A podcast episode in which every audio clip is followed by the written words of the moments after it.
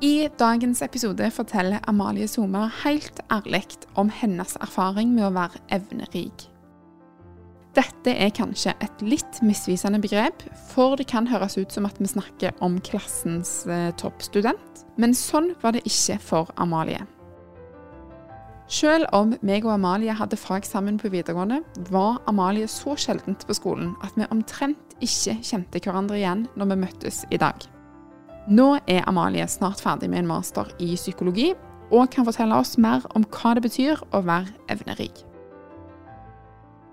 Um, hei, Amalie. Hei. Hvem er du? Ja, hvem er jeg? hei. Um, jeg er Amalie, da. Og um, jeg er egentlig fra Kvaneland. Eh, men jeg har uh, flytta og reist rundt uh, helt siden jeg var veldig liten. Og det har jeg òg fortsatt nå med i utdanningsforløpet mitt. Ja, for nå bor du rundt forbi hele verden? Ja, ja, nå er jeg jo overalt. Um, jeg eh, studerer psykologi. Jeg hører til et universitet i Østerrike nå. 2. desember så kom jeg hjem fra USA, der jeg tok eh, praksistida mi som ei som er, eller hun som er den nok mest anerkjente på dette feltet, da. Jeg heter Linda Silvermann. Det senteret jeg var på i USA og jobbet på da, de har testa 6500 unger. Så det, de har den største databasen i hele verden på evnerike mennesker. Um, men jeg skal bare skrive masteroppgaven nå det siste halve året eller fram til sommeren, da, sånn at det, det gjør jeg herifra, hjemme da, i Sandnes. Og så skal jeg vel reise litt fram og tilbake til Østerrike, og til Danmark skal jeg i mars, og Er du litt rastløse? ikke mye rastløse, men jeg tror jeg ser at det, det jeg har lyst til å gjøre og holde på med, det, da, det nytter ikke å sitte her og tenke at det skal komme her til. Jeg må ut og finne det, søke det. Ja. Ja. Hva er det du har lyst å, å holde på med? For det handler jo litt om det vi skal snakke om i dag. Ja, det gjør jo det. Jeg, eh, jeg vet, det, det er så vanskelig når folk spør meg om hva jeg har lyst til å holde på med, for jeg vet liksom ikke helt hvordan det ser ut. sant? Mm. Det er mange så, når de tar en utdanning, så, så har de gjerne et bilde av hvordan dette skal se ut etterpå òg. Det har ikke jeg. Det har jeg aldri hatt. Men det det er, da, det er vel egentlig å, å jobbe med å, å få fram evnerikheter, så det heter et begrep som jeg ikke er helt fortrolig med sjøl. Ja. Men det er vel det, da, om det er unger eller om det er voksne. Det, jeg tenker at det er et fokus vi er nødt for å begynne å, å ha i samfunnet. Men òg altså, de som jobber i skole, de som jobber i helsevesenet. nødt- De er nødt for å vite om dette her. Og det vi snakker om nå, er jo eh, et begrep som var helt nytt for meg Mm. for kun kort tid siden. Eh, det som heter evnerikhet, eller det å være begavet. Ja. Eh, og du er jo òg det som man kaller for evnerik. ja. Og eh, vi ler jo litt av dette begrepet. Kanskje er det litt misvisende. ja. Kan du fortelle meg litt eh, om det før vi hopper i gang? Jeg tror jo, eller når jeg leser Iallfall når jeg leser NRK Rogaland og, og dette her, så er det jo når de får fram disse Får fram de her ungene da som, som typisk sier at de kjeder seg på skolen eller de vil ha mer utfordring og sånn, så er det liksom ofte det at det er knytta til høy IQ. Det er det det er. Ferdig. Og så er det Ja, jeg har jo forstått på den tida jeg var i USA, at vi kan måle dette med generell intelligens. Men det er veldig mye mer enn det òg. Og det at du på en måte At det skal assosieres med at du er skoleflink, eller prestasjoner, eller Det er nesten sånn Det blir så feil, syns jeg, for dette det er så mye mer enn det, da. Og, og hva er det egentlig? Sant? Du kan jo snakke fra egne erfaringer òg. Hvordan er det, og hva innebærer det å være eh, det vi kaller for evnerik? Mm, ja, først da vil jeg vel si det at du føler deg eh, så annerledes. Du er malplassert egentlig i eh, Uansett hvor du er henne, nesten. For um, du blir veldig annerledes, og jeg tror òg for mange, iallfall for min egen del, og så har det vært veldig ensomt. Hvis det ikke hadde vært for at jeg hadde på en måte en familie som er ganske like meg, så hadde det vært vanskeligere å Mm. være meg enn det det har vært da. To første tingene som slår meg, det er vel en sensitivitet og en intensitet. Mm. Altså, du er ekstremt sensitiv for, eh, for det rundt deg, da. Men det er òg en veldig sånn intens eh, Følelsene dine Det er snakk om en berg-og-dal-bane. Det går fra høyt til lågt. Og det kan gjøre det på veldig kort tid, og egentlig er bare sånn bitte små ting som på en måte kan gjøre at det går ifra at det var kjempebra, til at plutselig så var alt bare svart og tungt og vanskelig. Og det kan bare være sånne småting som gjør det, da. Der er òg typisk for jeg vil at det er en enorm empati. Um, jeg husker vel søstera mi, hun Jeg hadde en sånn liten brainstorm med mamma før jeg skulle her i dag. Ja. Og hun fortalte meg at søstera mi eh, Der måtte de få fritak på skolen. For uh, de skulle vise elevene en mobbevideo for at det, sant, dette skulle fremme et godt budskap da, med at eh, på en måte hva mobbing gjør. Og, og, og, på en måte dette her med at det skal ut til elever og unger som skal forstå at dette her er faktisk ikke greit å holde på sånn som dette. For hun, hun brukte ei hel helg på å bearbeide dette her etter de hadde sett den videoen. sånn at for hun så gikk det Det ble for mye for henne. Mm, det gikk skikkelig inn ja. på det. Til at det Det nytta ikke, da. Sånn at det ble Hun fikk fritak. Og sånn er hun ennå. Nå går hun på videregående, hun er 18 år og kan fortsatt ikke se på, på videoer fra krigen. For det, det blir for Så det handler om at det er egentlig Det som du sier, da, at det kan være Det er veldig mye følelser i sving. ekstremt. Mye mer enn vanlig. Er det andre ting som du ser at gjenspeiler seg i de som er evnerike? Jeg tror òg En av de eh, er vel det at de er veldig årvåkne. De, du ser liksom at de, de får ekstremt mye med det, og det kan de faktisk òg se allerede i babyer. At du kan på en måte se et sånn veldig vågent blikk, på en måte. At de Der er et eller annet i øynene som på en måte er vågent da. Og du Mm. ser at de får med seg. Så er de veldig perfeksjonistiske. Det er vel òg en av de tingene. Og det ser vi vel på som, iallfall i psykologien, og alt det jeg har lest om i, opp gjennom i studiet mitt, så er det vel det at perfeksjonisme det er så veldig hemmende. Og det er noe vi må få vekk. Og hvis du skal holde på å jobbe med disse her folka her og tenke at du skal få vekk perfeksjonisme, så har du et umulig prosjekt. Men det er derimot det å lære de å bruke det til noe konstruktivt, og noe som ikke er ødeleggende for dem. Det vil jo si det òg, når du snakker om sånn så typisk sånn som det blir framstilt i media i Norge da i dag, med at dette er elever som er kjeder seg på skolen, og, og det er helt, jeg er helt med på den. Mm. Men dette her at de, de, de er flinke, og de sånn, altså for, Jeg vil òg påpeke og understreke med store bokstaver at det er en forskjell på å være flink elev og det å være evnerike. For det å være evnerik, det betyr ikke automatisk at du er flink på skolen, eller gjør det bra, eller i det hele tatt er på skolen, da. Ja. Um, for det som er det typiske Det er sånne lister som jeg har i hodet, som jeg fikk da jeg var i USA, der de viser forskjellen på flinke elever og evnerike elever. Mm. Flinke elever, det er de som har svarene. Når læreren spør et spørsmål, så rekker disse elevene opp hånda, og de har som regel svaret. Mm. De kan svare. Mens de evnerike elevene gjerne mer, de, de har jo enda mer spørsmål, da, de. Hvorfor sånn? Hvorfor ditt? Hvorfor datt? OK, skodda. OK, hva det er for noe? Mm. Hvorfor er det her? Altså, hvor kommer det ifra? Nysgjerrige. Ja, veldig nysgjerrige. Mm. Kan vi bare si det at det er et veldig høyt aktivitetsnivå, gjerne, sånn Ja. at det fort kan da assosieres med ADHD og, og sånn, da. Og så er det vel òg at de forstår ironi veldig godt. Det kan de gjøre fra veldig tidlig alder. De kan ha en ganske sånn sær humor som er litt sånn Andre folk kan gjerne sitte og riste på hodet og tenke OK, ja vel. Ja. Men eh, ja. Kjenner du deg igjen i alle de eh, beskrivelsene? Nei. Nei. Jeg tror ikke For blant annet så kan det jo òg være at det er lite søvnbehov. Jeg har et ekstremt søvnbehov. Altså, Hvis ikke jeg sover åtte-ni timer, så da fungerer jeg ekstremt dårlig. Jeg er veldig vare for for lite søvn. og Sånn at det der er, noen jeg, jeg tror jo uansett om det er hva du skal stille for noe, eller hva du skal passe altså, Ja, om det er høy sensitivitet, om det er ADHD, om det er uansett hva det er for noe, da. Så vet jeg ikke om du du trenger aldri passe alt for at det på en måte likevel Skal kunne stemme, da. Mm. Og passe.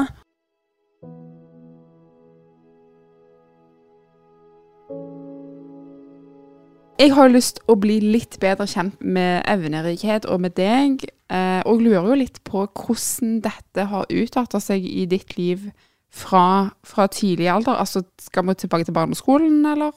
Kan vi sikkert gå enda lenger tilbake enn det, men vi kan jo begynne med barneskolen, for der uh, begynte vel det med at jeg ikke var på skolen.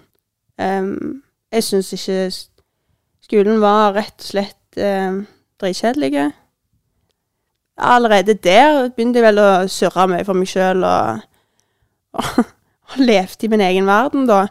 For det, det var kjekkere å være i mitt eget hode enn å på en måte være med andre, da. For at mm. de, de ble liksom så Vi hadde ikke de samme interessene og tenkte ikke på de samme tingene og sånn. Men eh, jeg husker det var en time som vi skulle ha da jeg begynte på barneskole i Bergen. Vi skulle ha en time til dette hjertetime, og det var mer Jeg husker ikke helt hva det gikk ut på, men det jeg husker med det, det var at vi skulle være helt rolige i en time. Vi skulle ikke snakke, og vi skulle det, Da stakk jeg av. Da ringte skolen hjem til mamma og lurte på hvor Amalie var, for hun var ikke på skolen. Og mamma fant meg hjemme i hagen, og der var jeg og lekte. Um, Syntes det var mye kjekkere. Det verste var jo at det, Greit nok at jeg stakk av, men jeg dro med meg andre òg fra klassen, så jeg hadde med meg og stakk av fra skolen. Så det var ikke egentlig det at du, at du ikke fikk det til, eller at Det handla om at det var gørr kjedelig for ja, deg? Ja. Men hva er det som skiller det fra eh, en annen førsteklassing som syns eh, matte er kjedelig? Ja, det er et godt spørsmål, faktisk. Jeg tror kanskje en av de tingene som har vært med meg, da, det er det at eh, og jeg, jeg, kan jo kun snakke for meg sjøl. Jeg kan ikke snakke for alle andre som på en måte kan kjenne seg igjen i dette her. Mm. Men for meg da, så har det vel vært det at det fordi om noen har sagt at det sånn skal det være, så betyr ikke at Da følger ikke jeg det. Bare for du sier at, det er, at det, sånn gjør vi det. Ja vel. Men det har ikke jeg lyst til. Og mm. da gjør ikke jeg det. Mm, det er ikke godt nok, liksom. Nei. En annen ting som var veldig sånn typisk for meg, det var vel den syke kreativiteten jeg hadde. Og den kom egentlig faktisk ikke til uttrykk før For jeg sier jo at skole var drit og alt dette her, og at det var så kjipt og sånn. Det Ja. Jeg hadde var tre år i Østerrike med sammen, hele familien min var der. Da gikk jeg to år på en svensk skole. Og den skolen var Der var det mye løye. Sånn som meg. eh, og der fikk jeg skikkelig for første gang, tror jeg, på den tida jeg gikk på skolen, så var det den plassen der jeg fikk virkelig være sånn som jeg var. Altså, så ser jeg, og jeg husker jeg sprang rundt med sånn akvarie med bilder som jeg samla ute, og, og Kjempespennende. Og, men det var jo ikke det, da. Det var jo Jeg skrev annet masse bøker. Jeg fikk notatbøker fra lærerne mine der jeg fikk lov å sitte og skrive. Jeg husker jeg skrev fortellinger om Og jeg hadde spesifikke figurer som jeg tegnte, som var knytta til denne her historien jeg skulle fortelle om folk på en annen planet. Og jeg tegnte og jeg skrev, og En enorm kreativitet.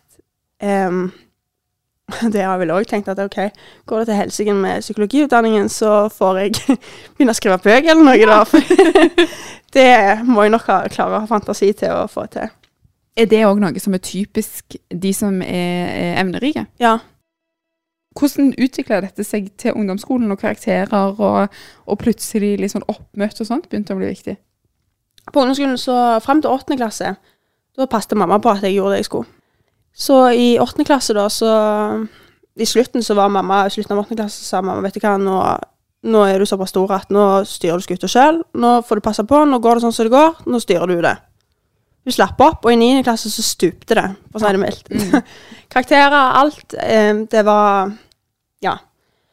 Så kom det til 10. klasse, da. Da skulle jeg plutselig inn på videregående mm. med de karakterene som jeg fikk det året. Og da forsto jeg jo plutselig at det nå brant litt mer, og jeg hadde på en måte eh, en, et mål med noe. Da Da tok jeg meg sammen, skikkelig til sammen. Og gjorde det jeg skulle. Men eh, på ungdomsskolen så tror jeg at eh, det var vel et av de bedre tre åra, gjerne. Det var jo ikke sånn Eller om det er det at jeg gjerne ikke husker så mye fra det, om det er mer videregående som på en måte har brent seg sånn skikkelig fast, som at det var tre drittår, Mm. for å si det Ja. rett ut. Og. Kan du fortelle meg litt om, om hvorfor det var sånn? For at på ungdomsskolen så virka det som at det var helt OK å være deg. Når jeg kom på videregående, så var det vel litt sånn eh, den, eh, Akkurat den eh, videregående jeg gikk på, så ble det jo litt sånn at det, det samles litt alt av samme eh, greiene. Og meg. Alle var like, og så, og så passet du ikke helt inn. Ja. Eh, og jeg tror mange som var der, var der med en tanke om at de hadde veldige planer for hva de ville, og sånn, og det er overhodet ingenting feil i det. Jeg tenker ikke tilbake på videregående og de folka som har vært der, at det, å, fy fader, så drit dere lagde det for meg. Altså, Mm. Det er ikke sånn jeg tenker på det. Jeg tenker på det som at det, det heller sier veldig mye mer om hvor jeg var henne. Um, men det som var der, det var vel at jeg kom inn i noe der mange hadde veldig mange planer. Og for å si det sånn, da, så første og andre året så tenkte jeg at jeg skulle gå juss. Så hadde jeg redsler på videregående og fant ut at nei, uff, dette var kjedelig, det gidder jeg ikke. Det har jeg ikke lyst til. Og da mista jeg jo fullstendig fotfeste. Så det, det første året på videregående, det var nok greit. Og så etter jeg på en måte ikke da visste jeg hva jeg ville lenger, da ble det vanskelig i å være på en skole der det var jeg vil si, ganske mange sterke personligheter, Ja. og, og, men òg ganske mange personligheter som egentlig visste hva de ville, da. Og det gjorde ikke jeg, Nei. plutselig. Og da ble jeg litt sånn Jeg sleit nok litt med å finne Der igjen, da, sant. Det der med å motivere meg til å gjøre noe, det ble ekstremt vanskelig når jeg ikke hadde noen grunn for å gjøre det. Den eneste grunnen var for at skolen sa at dette skal du gjøre, og det var liksom ikke nok for meg. Mm. For jeg hadde ingen indre motivasjon. Så den der ytre motivasjonen, eller ytre presset da, til at dette skal du gjøre, Mm. Det kunne ikke jeg brydd meg mindre om. Nei, og jeg syns jo at det er litt interessant, for dette, jeg husker jo òg tilbake på videregående at jeg ikke heller helt visste hva jeg ville gjøre, men jeg gjorde det fordi at det var det du skulle. Mm. Og jeg tror det er det som kanskje er forskjellen. Mm. At jeg klarte å la meg på en måte presse av det sosiale, at Mm. dette skal du gjøre, og dette forventer vi, og derfor så skal du gjøre det. Mm. Så var det lett for meg å si OK, mens, mens for deg så var det kjempevanskelig. Ja. Nei, jeg får ikke det til. Mm. Jeg, jeg, det, det Uff, nei. Det, og jeg skulle jo ønske Det er jo så mange som har sagt det til meg. Hvorfor kan du ikke bare gjøre det? Ja. Hvorfor kan du ikke bare fylle det? Og jeg har jo tenkt det mange ganger når jeg står der og går rundt meg sjøl for at jeg har surra meg inn i noe som jeg bare Hvis jeg bare kunne gjort sånn, Mm. hvis jeg bare kunne fulgt det som ble sagt, så hadde ikke jeg stått her. Men allikevel. Men jeg gjorde det jo veldig på min måte, da, og det ble jo og påpekt. og det var jo, De fikk det jo med seg, de gikk i klasse med. og Jeg var nok eh, tror jeg ble sett på som litt sånn eh, sære og løgn og hva for så jækla vanskelig hvis jeg ikke bare kunne gjøre sånn som alle andre skulle. Mm. Og vi ble fortalt. Amalie hun bare møtte ikke opp og gjorde som hun ville. Og ja, fikk til og med kallenavnet i klassechatten 'Skulkeren'. Det var liksom det Men hvordan hadde du det da? Det høres jo veldig sånn ensomt ut og, og kjipt å være den som på en måte bare ikke får det til. mm. Det var veldig ensomt. Jeg eh, var så heldig at jeg hadde ei venninne fra Hun traff jeg på ungdomsskolen. Um, hun er ennå den nærmeste venninna mi, og um, hadde det Jeg tror sånn helt seriøst Hvis det ikke hadde vært for at meg og hun havna i samme klasse, så så tårer ikke jeg å tenke på utfallet, for det var Det var liksom Det gjorde det sånn at det var mulig å komme gjennom det, for hun var der. Men hun Hun sier at sjøl, og jeg tror nok Hun, hun er nok eh, forskjellen på meg, og hun, hun sier jo det til meg òg, at åh, du går så i dybden på alt om du tenker så mye. Du, så, sant? Mens mine tankerekker de fortsetter nok milevis etter som har stoppet for lenge siden. Sant? Ja. Men hun har allikevel alltid tatt meg for sånn som jeg har vært. Sånn al- Det har vært noe helt spesielt fordi vi ikke på en måte har vært på samme plass, og ikke er av samme kaliber. Mm. Så har hun tatt meg for den jeg er, da. Og det har gjort at det har vært trygt. Jeg var veldig lite på skolen. Um, og det gjorde faktisk òg at det siste året i tredje klasse, så sto jeg med Det er faktisk det faget meg og deg hadde sammen. Ja. Så sto jeg der og hadde ikke vurdert på karakterkortet som kom til jul det året vi skulle gå ut av videregående. Ja. Det er ganske Det føles ganske alvorlig. Ja, da ble det ganske Forsto jeg ganske godt alvoret av dette her. Og da husker jeg at jeg tenkte om jeg bare skulle droppe ut. Eh, og bare drite i alt. Og eh, det var Jeg husker vi var inne og snakket med med folk høyt oppe på skolen da. Liksom, rektor var innblanda litt sånn om jeg på en måte skulle få lov å ta dette her videregående på et fjerde år, og jeg kjente bare uff, dra dette her lenger ut. Nei, det må heller bare bli ferdige. Da var jeg så heldig at jeg fikk eh, en legeerklæring som Det ble gjort en avtale med kontaktlæreren min at eh, jeg skulle få komme og gå sånn som jeg klarte. Men da var det jo òg det selvfølgelig et grunnlag inne med at jeg Jeg hadde nok fått en depresjon òg på den tida, Mm. Som gjorde at eh, det var grunnlag for å gi meg den legeerklæringen, da. Sånn at jeg skulle få klare å fullføre det. Og da klarte du det. Mm. Så jeg gikk ut av videregående ja, Mm. med karakterer. Heldigvis. det var veldig godt. Og i denne perioden så var du jo òg inne på DPS. Mm. Var det for å snakke om den depresjonen, eller Ja. var det for å snakke om uh, evnerikheten? Nei, det var nok den depresjonen, men jeg tror nok garantert at det var Det var nok litt knytta til til det trekket mitt, eller hva du skal kalle det for eh, Jeg havna iallfall der. Jeg havna der egentlig i forhold Eller på grunn av et brudd. Uten å egentlig helt forstå Det var vel egentlig én ting som utløste det, som gjorde at jeg havna der. Så kan du vel si både heldigvis og uheldigvis så, så havna jeg der og på en måte fikk eh, um, Det var noen som så at det her var det litt mer enn bare et forhold som var et problem, da. Og du sier heldigvis og uheldigvis. Mm. Hvorfor? For det Jeg traff veldig mange eh, behandlere der. Mm. Eller, ja, det var vel eh, Og noen av de var kjempeflinke. Eh, men jeg fikk vel Det var òg noen jeg kom til der jeg egentlig følte at jeg var 20 kilo tyngre når jeg gikk ut ifra behandling. Ikke 20 kilo lettere, men det jeg var tyngre. Og følte at jeg hadde jeg, had, jeg visste at jeg hadde problem, men jeg hadde jo 15 nye problem når jeg gikk ut derifra, for at da var det Da hadde noen klart å så Det ble en haug med tilleggsproblem da, som gjerne ble lagt til av behandlere, da. Eh, ja. Kom ned på poliklinikken på DPS, og der eh, skulle jeg eh, Der kom jeg til en psykolog, da, som var i spesialisering, og hun skulle ta eh, Jeg er ganske så sikker på det var SKID, heter det, som er sånn utredningsverktøy som de bruker. Og da går de gjennom alt, sånn erfaringsdepresjon. Uansett, da, så blir det til slutt skrevet den konklusjonen de kommer fram til, for at det òg det, det var liksom det At de måtte sette en diagnose for at jeg skulle få hjelp på poliklinikk. Mm. Så måtte det være en diagnose for at jeg skulle ha rett på den hjelpa. Diagnosen som kom ut, og det var jo depresjon med, med blanda angst eller et eller annet sånt, noe jeg ikke husker. Så det er jo greit nok, det. Det kan jeg slå meg til ro med. Men i den journalen så, det, så står det at jeg har Ikke ordrett, det jeg sier nå, Mm. men så har jeg eh, måter å håndtere ting på som minner om noen med emosjonelt ustabile personlighetsforståelse, altså borderline. Det er egentlig to problemer med dette, tenker jeg. Mm. Første problemet med at det første da, for å svare på det, med at det står i journalen, det er jo det at det, når jeg nå, mange år senere, for nå i sommer som var, så var jeg, eh, havna jeg på DPS igjen. Det var egentlig bare for å ta en sånn eh, akuttime, Mm. eh, for å bare ikke la ting eskalere.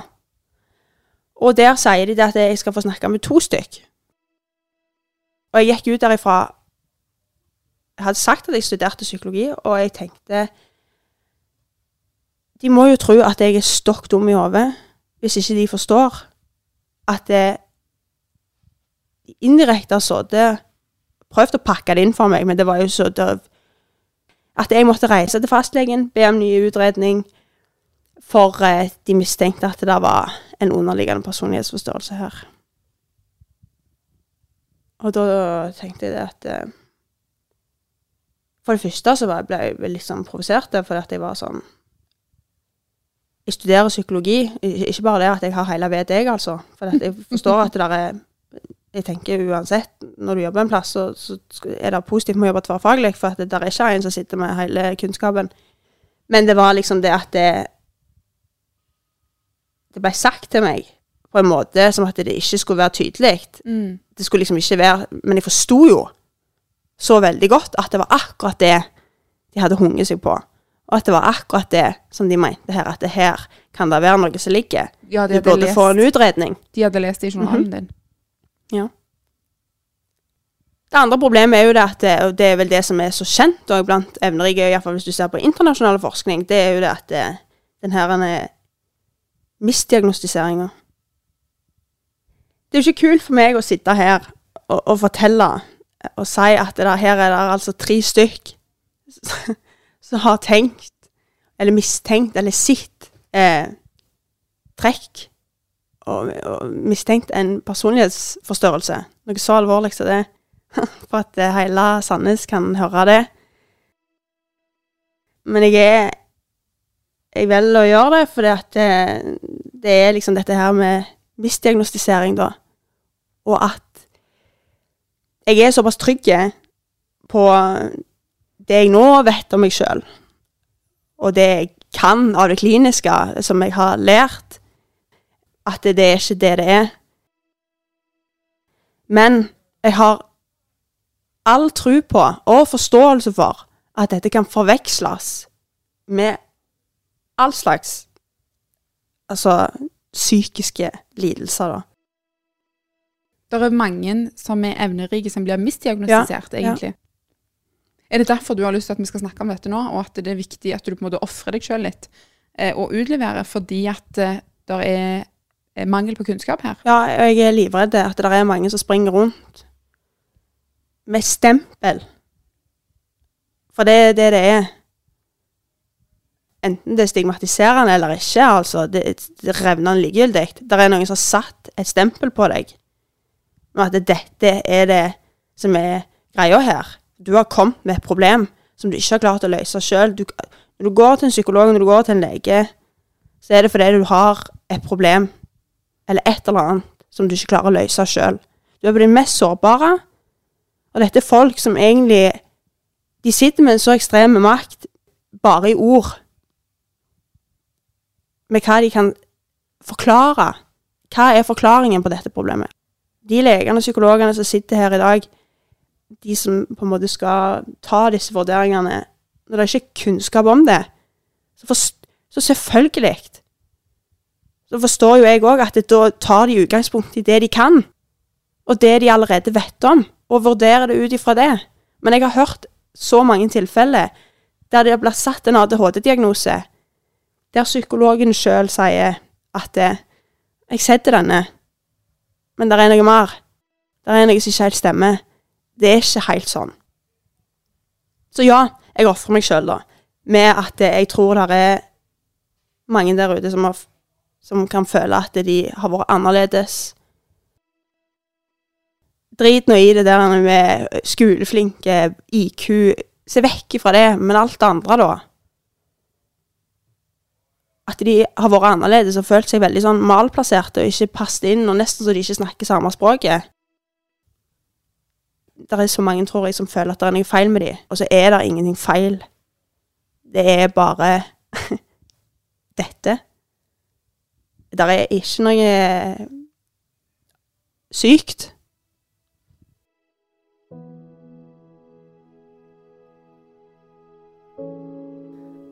Fram til ganske nylig så var jo dette bare en sånn Hvorfor er jeg annerledes? Mm. Når fant du ut av at det er noe som heter evnerikhet, og at det kanskje er meg? Jeg hadde jo søkt studiet, studie, kommet inn i England og reist der, og, eh, og når folk spurte meg det, og der òg igjen, kom jeg jo til en haug med folk som egentlig visste veldig godt hva de hadde tenkt, og hva de skulle, og uh, da var det jo faktisk så spesifikt at vi hadde òg valgt på en måte et studie. Ehm, og da kom Men jeg visste bare at jeg, jeg ville ikke bli den der tradisjonelle psykologen som satt og tok imot um, de der klassiske um, problemstillinger, altså depresjon, angst. Ingen, det er ikke noe gale med det, men det var, det, var, det var, ikke meg, og det var ikke det jeg ville. Uh, det ble for A4. Um, men jeg visste ikke hva før tredje året. Da kom det en periode litt igjen der jeg kavte litt, og så var det vel eh, mamma mi som hadde sagt det til mamma at jeg hadde lest noe om ADHD og ADHD i forhold til jenter. For dette her ADHD-begrepet det er jo en helt annen historie, men det er jo akkurat at det, det de kjennetegnene her de blir bare lengre og lengre og lengre, den lista på kjennetegn. Og så plutselig er det helt andre kjennetegn på damer, og så, så, begynner jeg å lure på om det egentlig bare litt sånn misforstått. Mm. Men uansett, da, hun hadde lest noe på ADHD og jenter, og, eh, og var helt sikker på at dette var Amalie. Og det har nok vært å snakke om opp igjen òg, at jeg kunne ha vært en sånn ADHD-unge, og kunne garantert fått den diagnosen hvis mamma bare hadde villet det. Og mamma sa det at nei, for det er noe mer her. Det er, ikke, det er, ikke, nok. Det forklarer ikke nok, på en måte, her. Så var det vel hun som søkte litt og sånn, og så kom hun Fant hun dette, da. Det var meste som var, var på engelsk og, og sånn, men det var ei Arendal eh, som holdt på med sånn psykoterapi. Gestaltterapi heter det som eh, hadde litt eh, kunnskap om dette her. Jeg snakket med hun. Viste meg eh, en del sånn litteratur og sånn, men kjemien Det ble uansett til at jeg ikke fortsatte der, da. Men da fortsatte jeg jo sjøl å lese om dette her, og så jo at det, det var jo så mye som ga mening. Og jeg skulle skrive bacheloroppgave, men så det var masse faglig lesing fra før på denne tida. Og jeg brukte den, de resterende få minutter jeg hadde av fritid, så var det til å lese enda mer fag. Mm. Men om dette, da. Um, og da var jeg jo i England og tok bacheloren, og hadde søkt meg til Østerrike, og der visste jeg jo at jeg skulle ha en eh, praksisperiode. Og tenkte at det, her må jeg bare kontakte folk og skrev rundt til masse forskjellige folk fra ja, Australia, USA og, og, alt. Og jeg tenkte jo, jeg visste jo at dette området er veldig begrensa, hva vi kan om i, i, Europa. Og hvis det er et nettverk, så må det være knøttlite, altså. For mm. jeg fant veldig lite. Eh, og tok kontakt med flere av de som jeg hadde lest bøkene til. Eh, så var det vel han ene som anbefalte meg å ta kontakt med Linda Silvermann, da som jeg endte opp med. Og hun var tilbudt meg en praksisplass. Jeg, I den mailen jeg sendte til henne, så skrev jeg egentlig bare litt om min opplevelse av Norge, og hvordan det har vært for meg i dette her.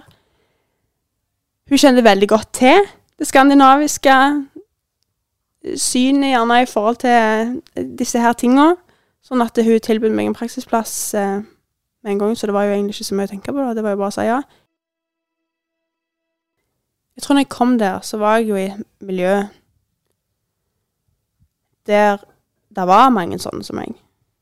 Jeg, jeg bare sitter og tenker på for En av de tingene som skiller seg så veldig ut for meg fra den tida i USA, det var at hver mandagskveld så var jeg med på ei sånn eh, gruppetime der det var fem emnerike damer ifra ikke kan de ha vært 30 til nesten 70.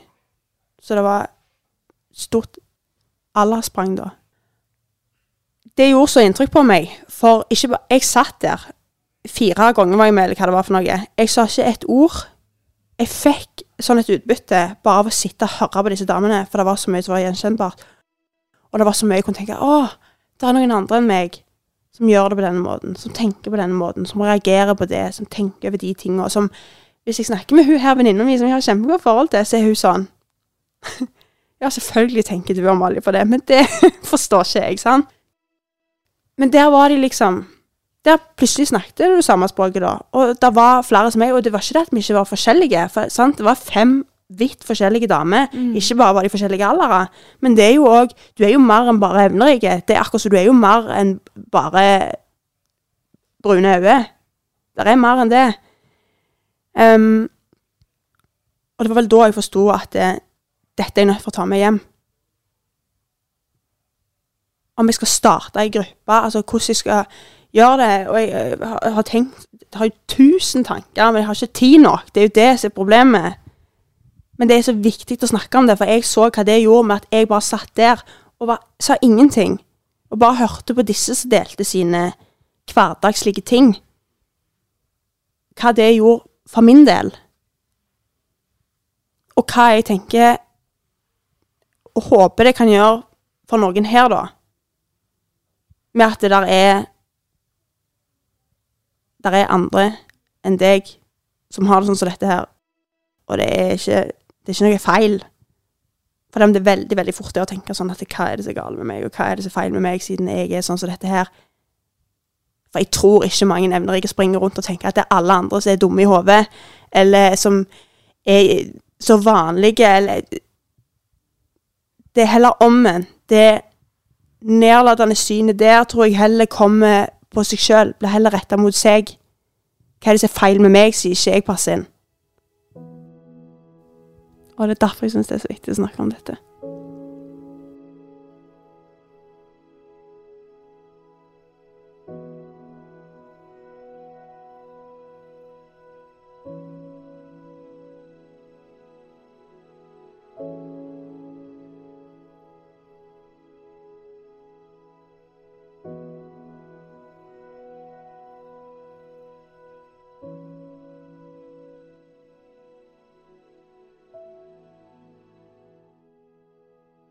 Har du et enkeltpersonforetak eller en liten bedrift? Da er du sikkert lei av å høre meg snakke om hvor enkelt det er med kvitteringer og bilag i fiken, så vi eh, gir oss her, vi. Fordi vi liker enkelt. Fiken superenkelt regnskap.